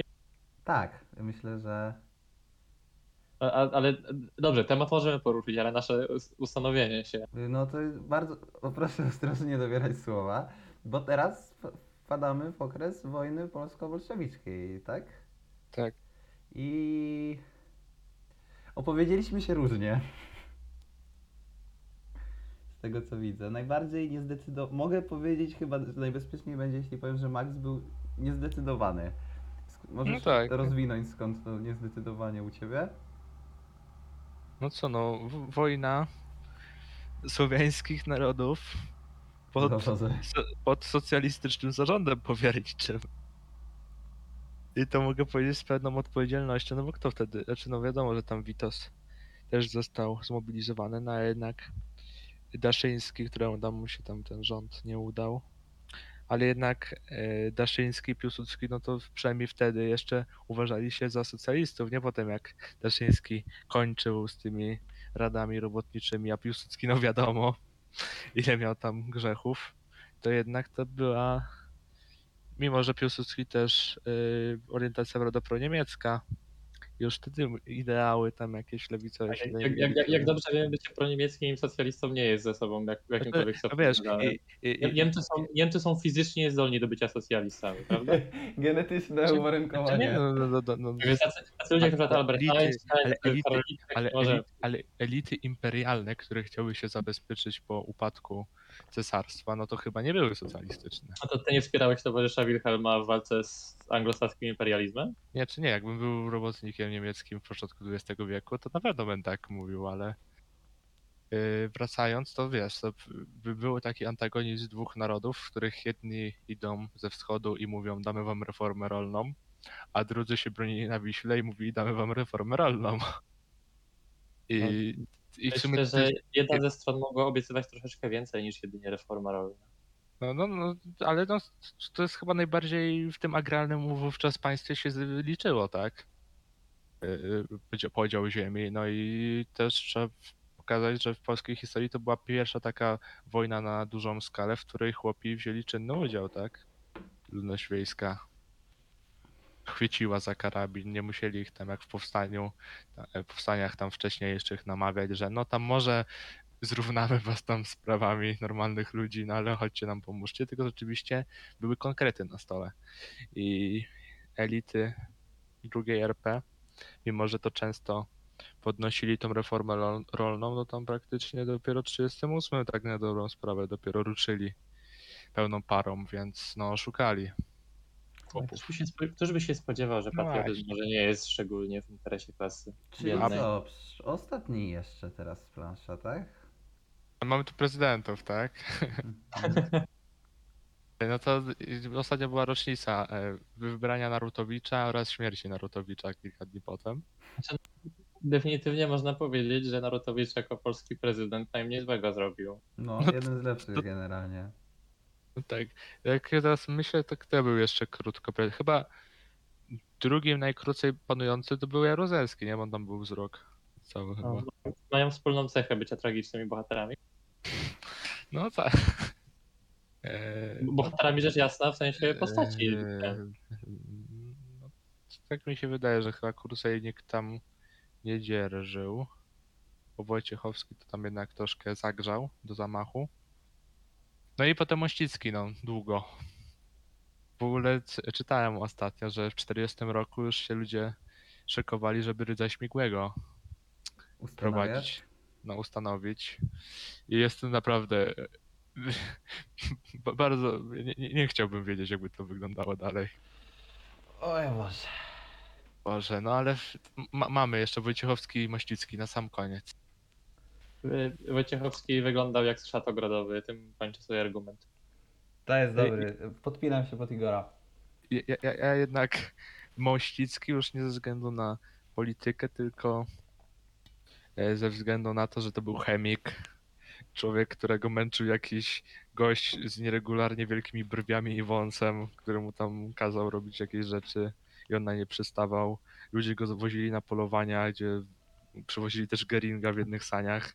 I to mam wrażenie, że to był człowiek po prostu Znerwicowany. znerwicowany dostał wielką, nieograniczoną władzę, a mimo, tyl- a mimo wszystko właśnie posiłkował, czy posiłkował się, no tam, wiesz, ci Piłsudski zostawił schedę tam tych oficerów, tak z legionów, którym dawał ważne funkcje, tam przecież generalny inspektor sił zbrojnych i tak dalej, czy tam śmigły, no to jednak, no, on tam robił, no, co i tak te elity decydowały, nie, to nie było tak, że oho, jestem prezydentem, robimy to, robimy to, robimy to, tylko no dobra, no już mogę wrócić do Mościc, zobaczyć te nawozy, albo, albo po prostu pojechać na Zamek Królewski jak Zygmunt czy trzeci Waza, tam się pobawić tymi probówkami i spróbować nie wysadzić pałacu przez chwilę. Jak, jakiś, jak ten Dexter z tego. Z, Tak. Tak, i, i, i wiesz, zawieźli się na polowanie, z, a ty w sumie to chciałeś wyjść tylko z tym e, psem, a miał chyba Lord na imię, tak? Mościckiego? Mam Baron? Lord? Lord chyba. Nie pamiętam. W Spale jest jego pomnik. Naprawdę? No to on chciał, wiesz, tak, na takiej wysepce. I on może chciał tylko wyjść na spacer z, ps- z psem, a oni tam byli od razu jakąś nagonkę i o, panie prezydencie, panie prezydencie, o, jeleń. Okej. No więc to był człowiek znerwicowany. No dobrze, ale człowieka jest szat ogrodowy. Myślę, że wybór jest oczywisty. Dobrze. Czyli co? Po 56 minutach przebrnęliśmy. Tak, to teraz jeszcze coś na rozluźnienie bym... A może byśmy. za- Zastanawiam się, czy jeszcze coś powiedzieć, bo ten Jeszcze podcast... tak, na rozluźnienie, żeby ludzie, którzy dotrwali do tego momentu jeszcze mieli coś bardziej sympatycznego niż To- przebrania trzech. Ja, ja mogę coś powiedzieć Wholesome na ten, na rozluźnienie. Dawaj. Y, Pozdrowienia z okazji Dnia Ryby. Jest Dzień Ryby dzisiaj. Dzisiaj jest Dzień Ryby, 20 grudnia. Ale co myślicie o rybach? Ale w sensie, że sobie pływają, czy na przykład jako pokarm? No, zacznijmy od tej pierwotnej jakby formy, czyli pływania. No, Fajne są. Ale zależy jakie, bo niektóre ryby są zjebane. Na przykład. Szpaki, Koniki morskie są zajebiste. Dobra, ale komi- czy konik morski jest rybą? A nie? Nie wiem.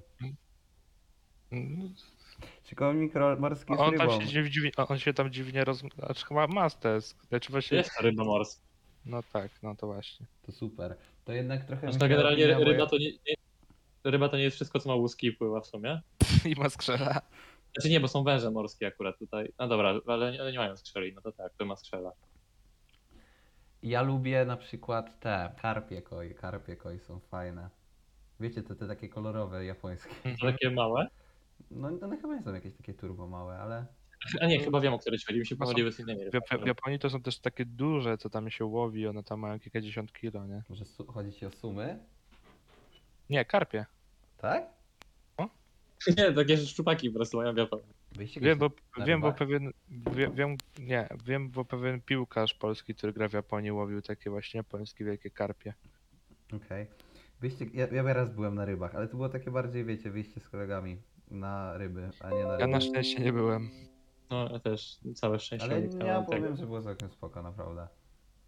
Ale to było pójście na ryby, czy po prostu poszliście jak rybacy na ryby, że poszliście się najebać nad wodą? Nie, były normalnie mieli, rozstawiliśmy. Tylko nic nie złowiliśmy, ale normalnie tam rozstawiliśmy wszystko. A, czyli, jak prawdziwi rybacy, dobrze, no dobrze. Przepraszam, wędkarze. Ej, właśnie, bo, rybacy bo są- to jest, no, to jest Właśnie, przepraszam bardzo.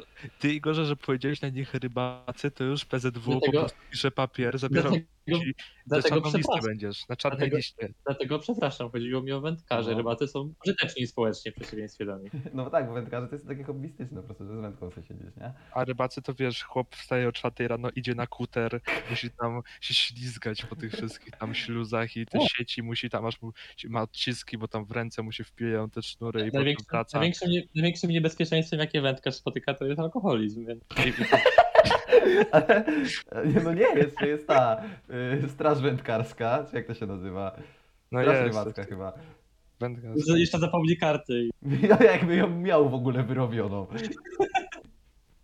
Właśnie, ja się tak zastanawiałem, że tyle jest w Polsce zbiorników wodnych, tam jezior, yy, rze- rzek i tam i faktycznie jak też na dziko ile ludzi łowi, ilu jest tych wędkarzy, przecież to jest niemożliwe, że ich wszystkich upilnował. No chyba o tym generalnie chodzi vibe Ale próbować warto. Ja naprawdę jestem ciekawy, czy kiedy, czy, zna, czy znacie kogoś, żeby go tam właśnie, bo tak się mówi, no, że musisz mieć tę kartę, musisz mieć to, musisz tam mieć test wiedzy, płacić składki, a tymczasem myślę, że największym jakimś tam problemem działaczy tego związku, no to właśnie jest stanie w miejscu od kilkudziesięciu lat i robienie z tej organizacji takiej właśnie, nie wiem, I moja z... leśnych dziadków. znajoma mi kiedyś mówiła, że ma chyba jakiegoś wujka albo coś, co jest, jeździ na yy, zawody wędkarskie, zawody w wędkowaniu. I na przykład wygrał 2000 zł w zawodach wędkarskich. A pamiętajmy, że są też wędkarze, którzy też łapią i potem wypuszczają rybki. No Ale chyba o to chodzi generalnie w wędkarstwie, że takie typowo, no, że łapiesz i wy, robisz sobie fotę i wypuszczasz i nie jest No, tego. wydaje mi się, że ci, że ci, co są bez karty na jakichś dzikich zbiornikach, też mają inne cele. No, Jak już coś złapać, to Nie wiem, w sensie nie, nie wydaje mi się, że to by było jakieś najlepsze zjeść jakąś ukleję z błota, którą jakiegoś tak. Chociaż nie wiem, bo ja się po prostu na tym kompletnie nie znam, ale. Ale no wiesz, generalnie większość ludzi czyści jakieś jedzenie przed zjedzeniem tego, więc. Ale ryby i tak śmierdzą. chyba, ch- to chyba nie jest tak, że wiesz, wyjmujesz rybę z rzeki i odgryzasz łeb po prostu. to by było trapowe. Ej, wiecie, że ryby nie czują bólu? Tak niedźwiedzie robią. Czują, Nie czują. czują. Ale dlaczego? To jest mit, że nie czują. Naprawdę? to, to, Tak, to, to, to lo- lobby co na święta, wiesz, każdy Karpie zabija, to właśnie Ja tak wypuściło ten mit, co żeby... te karpie i mówią, no tak, spokojnie, możesz go zostawić w wannie bez wody na kilka dni, żeby był świeży do świąt nie- bez potrzeby zabijania, bo i tak nic nie czuje. Dobra, myślałem, bo Ni- Nirvana kiedyś Artykuł- miała piosenkę. że- Artykuł 26 y, kwiecień 2021 pisze, że najprawdopodobniej czują bólu. Ale to jest jakieś takie... Mogą czuć ból. Jak potwierdzić badawczo, czy ru- ryba czuje ból, czy nie? Sprawdzić. nie wiem, Znaczy no, nauka generalnie jest ba- ba- bardzo etyczna pod tym względem, więc podejrzewam, że po prostu napierdalają prądem na przykład i patrzą na reakcję. Ale właśnie chodzi mi, no ryba przecież nie będzie krzyczeć au, au, au, au, jak ją... No, Może, da, może, na przykład da, może na przykład dają im kartkę i tak. I ankietę czujesz ból, wypełniają. No i właśnie dlatego wcześniej nie wiedzieli, że czują ból, bo pod wodą nie można pisać. Ej, niezłe. Wiem, w każdym razie ja na przykład bardzo ta ze wszystkich polskich tradycji to karp na Wigilię, bo tak jeszcze się utrzymujemy w tym klimacie przedświątecznym, to jest jedno wielkie nieporozumienie. I karp jest obrzydliwy, to jest tak niedobra ryba. Obrzydliwa, mulista, najtańsza jaka jest możliwa ryba, jeszcze nie ta z jakiegoś tylko zestawu po prostu, gdzie one sarają i jest tam, są, jest, są ich tam setki i z jakiego, nie wiadomo jakiego lewego źródła tam ci go przynoszą, tam leży w wannie, to jest w ogóle, i przede wszystkim po co? Po co? Żeby wziąć łuskę i wrzucić do portfela i wiesz, potem miał pieniądze? Ej, właśnie, bo ja kiedyś się dowiedziałem, ja w ogóle całe życie żyłem nieświadomości o tym i się dowiedziałem, że jest zwyczaj, kurwa, że bierzesz łuski karpia i je trzymasz w portfelu. To jest obrzydliwe. To jest jedna z najbardziej obrzydliwych rzeczy, jakich się dowiedziałem ostatnio. Tak pamiętam jak byłem mały i dostałem od babci i ona mówiła włóż to do portfela, włóż to do portfela, a ja tak, ja tak patrzyłem na tą łuskę i mówię co to jest? Że łzami w oczach tak patrzysz na tą łuskę. Wracając do tematu ryb, y, bo przeczytałem nieco niż tytuł artykułu. jest napisane, że nie można powiedzieć, że czują ból, natomiast nie można powiedzieć, że nie, nie czują bólu.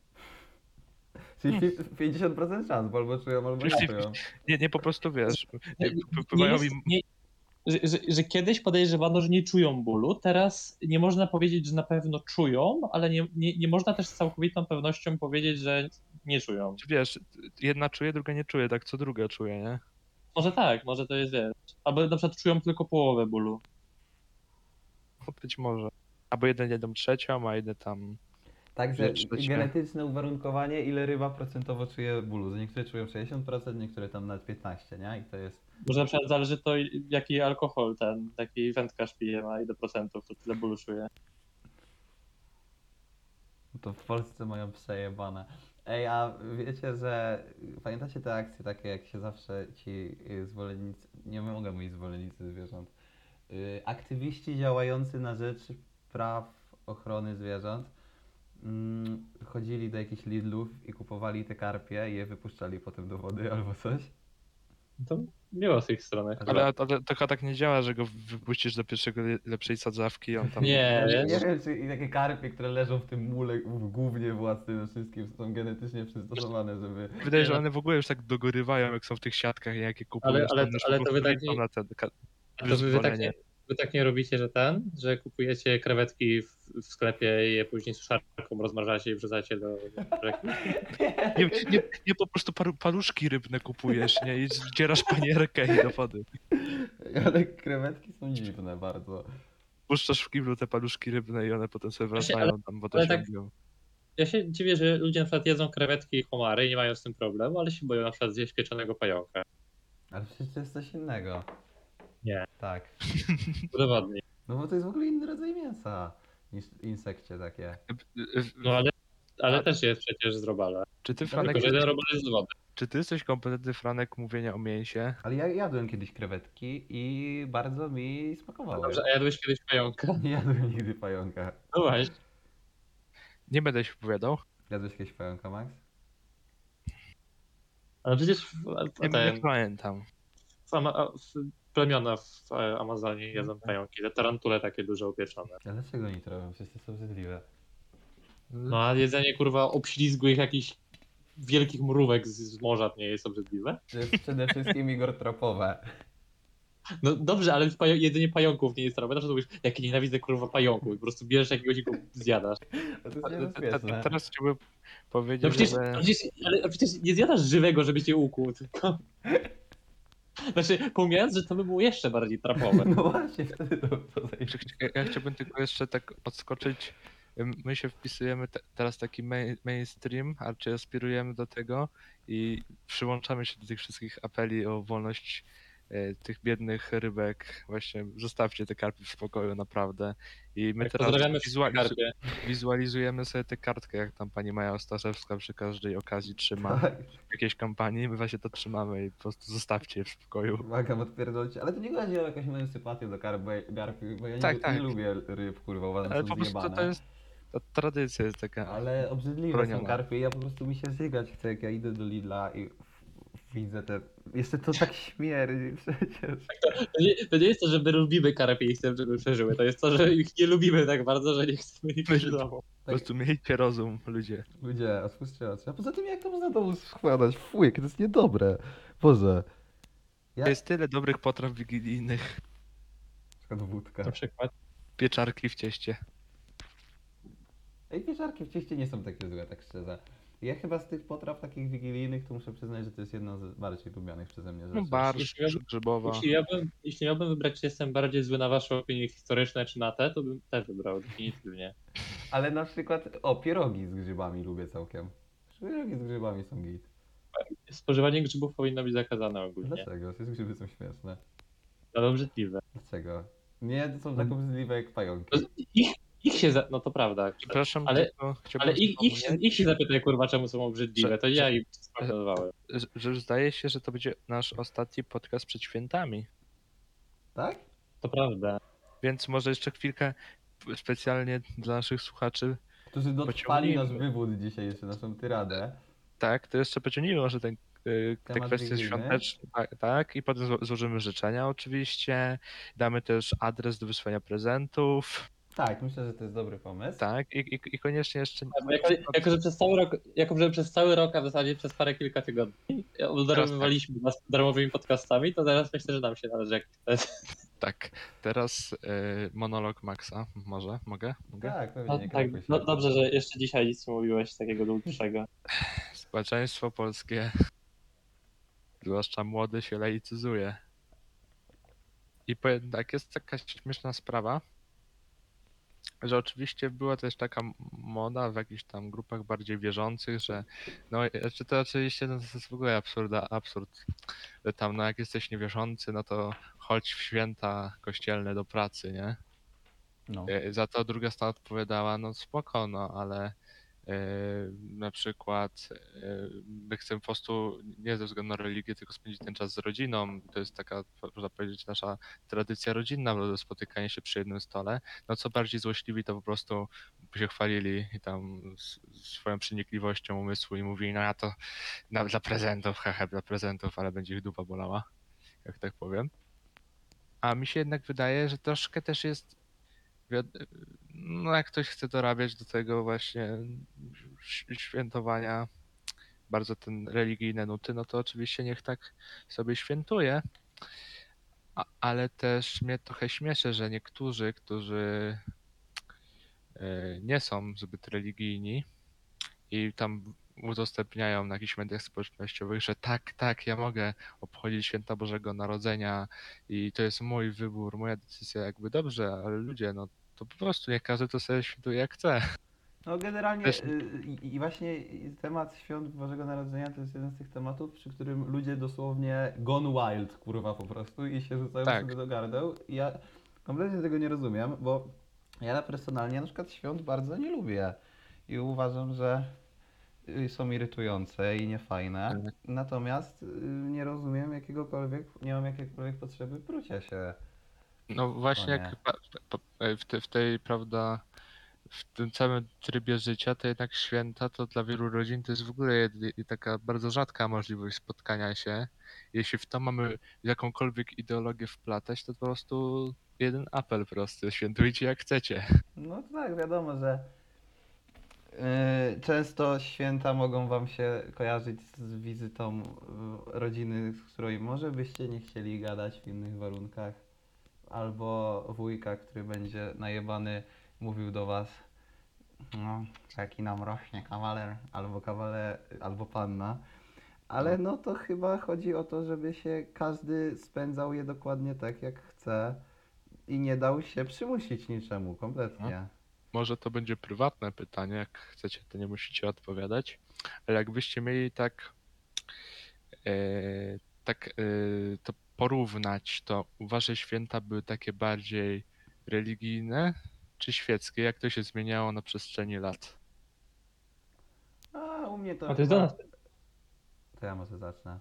Tak. No, U mnie to chyba tak generalnie bardzo, bardzo taka laicyzacja, że nigdy sobie tym nikt nie zaprzątał takiej głowy za bardzo. No tak, bo też zauważ, że y, mówiąc y, te- właśnie y, wierzące Wigilie, to są ludzie, którzy naprawdę tam, wiesz, chodzą tam do kościoła w wi- Wigilię na pasterkę, tam modlą się, śpiewają, no akurat śpiewanie kolęd każdy może. No modlić też, Na, Ale no na są- pasterkę ale- to i ja chodzę. Ale są ludzie, którzy tak, wiesz, bardzo tak s- s- prze- przestrzegają tych wszystkich, że no, trzeba się, prawda, pomodlić, potem tam jeszcze inne rzeczy tam, To nie u wiem, mnie tak są, są, jest. są, są rodziny, które też czytają tam Pismo Święte, nie? No to ja, ja u mnie tak jest. U- U ciebie są Ja mam wierzące generalnie bardziej wierzące święta niż niewierzące. Aha, Tylko ale Atmosfera polega na tym, że jest e, e, raczej wierząca. E, Mój ojciec jest nacechowany, że no dobra, fajnie, już tradycja, niech, niech sobie będzie. Ja zaś muszę się powstrzymywać przed cytowaniem Jana Husa. wierząca Ej. Wigilia do pierwszego kieliszka. Znaczy, bo tak, A bo, ta, no, a- alkohol na Wigilii pić chyba cię. ale właśnie bo u, u, u mnie na przykład zawsze były święta y, bezalkoholowe. U mnie też bez. A zawsze bez. też mi się, bo też jest taki, ta wizja przerażająca Wigilii, taka najbardziej, wiecie, stereotypowa, to, że y, dyskusje polityczne, festiwal Mhm. takiego boomerstwa. No, ja się na szczęście z tym chyba nigdy jakoś za bardzo nie spotkałem. Jeśli chodzi o ten alkohol, to teraz bym jeszcze powiedział, że ja się bardzo dziwię, jak rozmawiałem ze znajomymi i na przykład wysyłali tam na zasadzie jakieś zdjęcia, nie jak wolą wódę, wigilię, czy tam coś tak przy rodzinie, a dla mnie to było takie nie do pojęcia, bo rzeczywiście nikt u mnie nigdy tam nie pił w wigilię i to było takie właśnie sp- specjalnie, że no ludzie, jeden dzień w roku możecie się zachować inaczej. Nie każde święta muszą być dom. Ostatnio, jak to się nazywała ten taki film fajny? Ostatnim tańcem. Yy, kurde, wypadło mi z głowy. Ten taki z ogrodnikiem film właśnie o Wigilii, że tam oczywiście jest Arkadiusz Jakubik i wali wódę dwie godziny. No ale no, zmierzam do tego, że święta są bardzo specyficzne. No to ja teraz jeszcze powiem, że u mnie jednak te święta, może tam jeszcze, ale to już naprawdę parę dobrych lat temu, ale były tam jakieś nacechowania religijne, ale obecnie to ja ich w ogóle nie dostrzegam. Czyli yy, Świeckie, full, full, full świeckie. triumf ideologii ateizmu nad polskimi domami. T- Tak, w- już do naszego, gospo- do naszego ogniska się to prawda zalęgło i myślę, że z roku na rok będzie coraz gorzej, bo to się społeczeństwo licyzuje, to A przejebana Już- sprawa. już niedługo wszyscy zapomną te paciorki wyryte na blachę i w ogóle już nie będzie tam, bo może, No, i, i, a może- święta, będziecie pracować kurwa w grudniu. Tak. Z siebie jesteście. no, mo- mo- może, może ja tam przed, nie doceniam, bo może ktoś sobie w myślach po prostu tam odmawia, że coś nie. Tak idzie do, jak są wiecie, tacy ukryci alkoholicy, że idą do innego pokoju i piją alkohol, żeby się po prostu bardziej zrobić, to tacy ukryci chrześcijanie, że idą do drugiego pokoju i tam różaniec szybko walą czy coś. No tak, tak, ale jesteśmy okropnie się śmiejemy z polskich tradycji, że ludzie chcą się pomodlić. Nie no, staramy się chyba śmiać ze wszystkiego. No, nie, ale, no tak, ale teraz to właśnie zobaczcie, że jeszcze u nas takie w miarę świeckie, ale, ale teraz jest dużo rodzin, właśnie w których się pije ten alkohol i one, e, na Wigilię oczywiście, i one może tam mają jakieś takie właśnie schematy katolickie czy coś, ale w sumie to, to nie jest tak dla nich najważniejsze. To nie jest dla nich najważniejsze i jak już wychodzi, to chyba nikt tam nie myśli, czy tam w Piśmie Świętym jest tak napisane, czy inaczej, że to jest. Potem się już przy kolejnej buty zastanawiałem, czy to jest zmartwychwstanie, czy narodziny tego Jezusa i, i tak dalej. Ja, że na pewno tak jest, no. Nie powiedz, że nie. No, możliwe, że tak. No, ale ja i tak wierzę, że dla większości polskich rodzin jest po prostu fajna okazja do spotkania się, zjedzenia, wymienia się prezentami, bo o prezentach nie wspomnieliśmy. A właśnie, ja nie wiem, zawsze byłem taki pasywny wobec prezentów, nigdy mnie jakoś Dajecie prezenty? nie. Znaczy, zależy. No jeszcze mi, się nie, jeszcze mi się nie zdarzyło, żebym osobiście kupił sam dla wszystkich prezent. tak. Znaczy, że nawet nie potrafię policzyć, ilu tam ludzi będzie. Zwykle to ja tam, jak coś już to robiłem jakąś zrzutę czy coś z rodzicami. Ale tak to to. Generalnie no to ja zawsze byłem taki. Raczej jeśli ja miałbym wybierać, to bym usunął z moich wymarzonych świąt, ale. Bo uważam, że to jest takie. Wiecie, więcej tam jest takiego kwasu dziwnego niż takiego serio. To, to zależy od rodziny, no bo rzeczywiście jak się przy, przyjeżdżają zupełnie dwie skrajne ekipy, można powiedzieć, które nie miały ze sobą kontaktu, a są zupełnie z dwóch biegunów po, politycznych, społecznych, obyczajowych, no to, a są też ludzie, którzy po prostu muszą się, będą chorzy, jak się nie pokłócą. No to to są kwasy, no i też są, zwłaszcza młodzi ludzie mi się wydaje, którzy mogą być stygmatyzowani przy tym stole, nie? Że w sumie nikt się tobą nie interesuje, a potem nagle przyjeżdżasz, masz tam jakieś problemy, no i tam Tak. ci zadają jakieś niewygodne pytania, które nie chcesz, nie masz ochoty Tak, odpowiadać. młodzi, młodzi ludzie są najbardziej dręczoną grupą w społeczeństwie, powstańmy. Znaczy nie, no, no, no nie, tak szczerze, no to jest taka idealna okazja do stygmatyzacji, nie? że ciotka, że tam ktoś, kto praktycznie nic w twoim życiu po prostu nie ingeruje, nie obchodzi go to i nagle jest najciekawszy i zadaje takie może niezbyt trafione, że tak to nazwę, Znaczy- pytania, czy tam komentarze wygłasza, czy coś. Tak, ale to chyba nie dotyczy tylko młodych ludzi, mi się wydaje. Ale mi się jest- wydaje, że jakaś też jakaś grupa, Ale młodzi, czekaj, daj mi jeszcze skończyć. Młodzi ludzie są chyba po prostu takim najłatwiejszym celem do tego, ale... Tak, ale jak ja czytam, bo są potem te świadectwa ze świąt, to jednak dla wielu też jest taką traumą, no, że tam są te kwasy takie ostre, No wszystko potem zależy tam- od sytuacji. Od Tak, każda jest trochę inna. ale są nie? takie przypadki. Oczywiście, że są, zawsze będą. Czy my w ogóle jeszcze, pozwólcie, zadam to pytanie, czy my w tym roku będziemy jeszcze robić podcast? Czy to jest jakby nie? takie nasze oficjalne? Nie, wydaje mi się, że jeszcze można zrobić 20. Będziemy, jak nie będziemy. Czyli Będziemy. na takie jeszcze oficjalne podsumowanie roku poświęcimy następny odcinek, Tak. prawda? No na pewno, koniecznie. Y, Ja ostatnio widziałem ten 10-godzinny y, film Armia Nowego Wzoru Dana Bartosiaka i my możemy zrobić właśnie tak 10 godzin na Tak, stop no, tak, zrób, roku. zróbmy, zrób, zróbmy kolejny podcast półtora godziny, jak będziemy Nie, pierdolić 10. historii, no. 10 z prezentacją multimedialną, z, z, tą, z raportem pisemnym ze wszystkim. Tak. Podsumowanie to- roku. Co, mija nam godzina 20. Dobra, czy Max, bo chyba ty jesteś najbardziej do tego kompetentny. Czy chciałbyś złożyć na końcu piękne życzenia związane z Bożym Narodzeniem?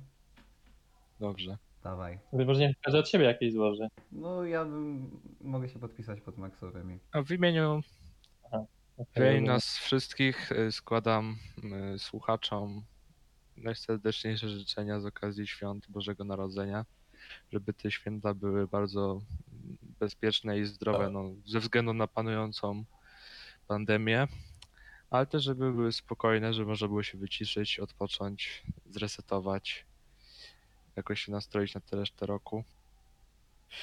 Yy, no, smacznego jedzonka, fajnych prezentów i takich mi- miłych wspomnień, bo jednak te święta to zostają u nas w głowie i mam nadzieję, że w tym roku, mimo wszystkich przeciwności, to będą najlepsze święta od lat. Dziękuję. Wszystkiego najlepszego. Okej. Yy, I to chyba tyle w tym odcinku. Chciałby was ktoś z was jeszcze coś dodać? Czy myślę, że... Smacznego opłatka i może wpłaccie na jakąś akcję charytatywną, tak od siebie powiem. To co, smacznego jajka i Tak. wesołego, mokrego dingusa.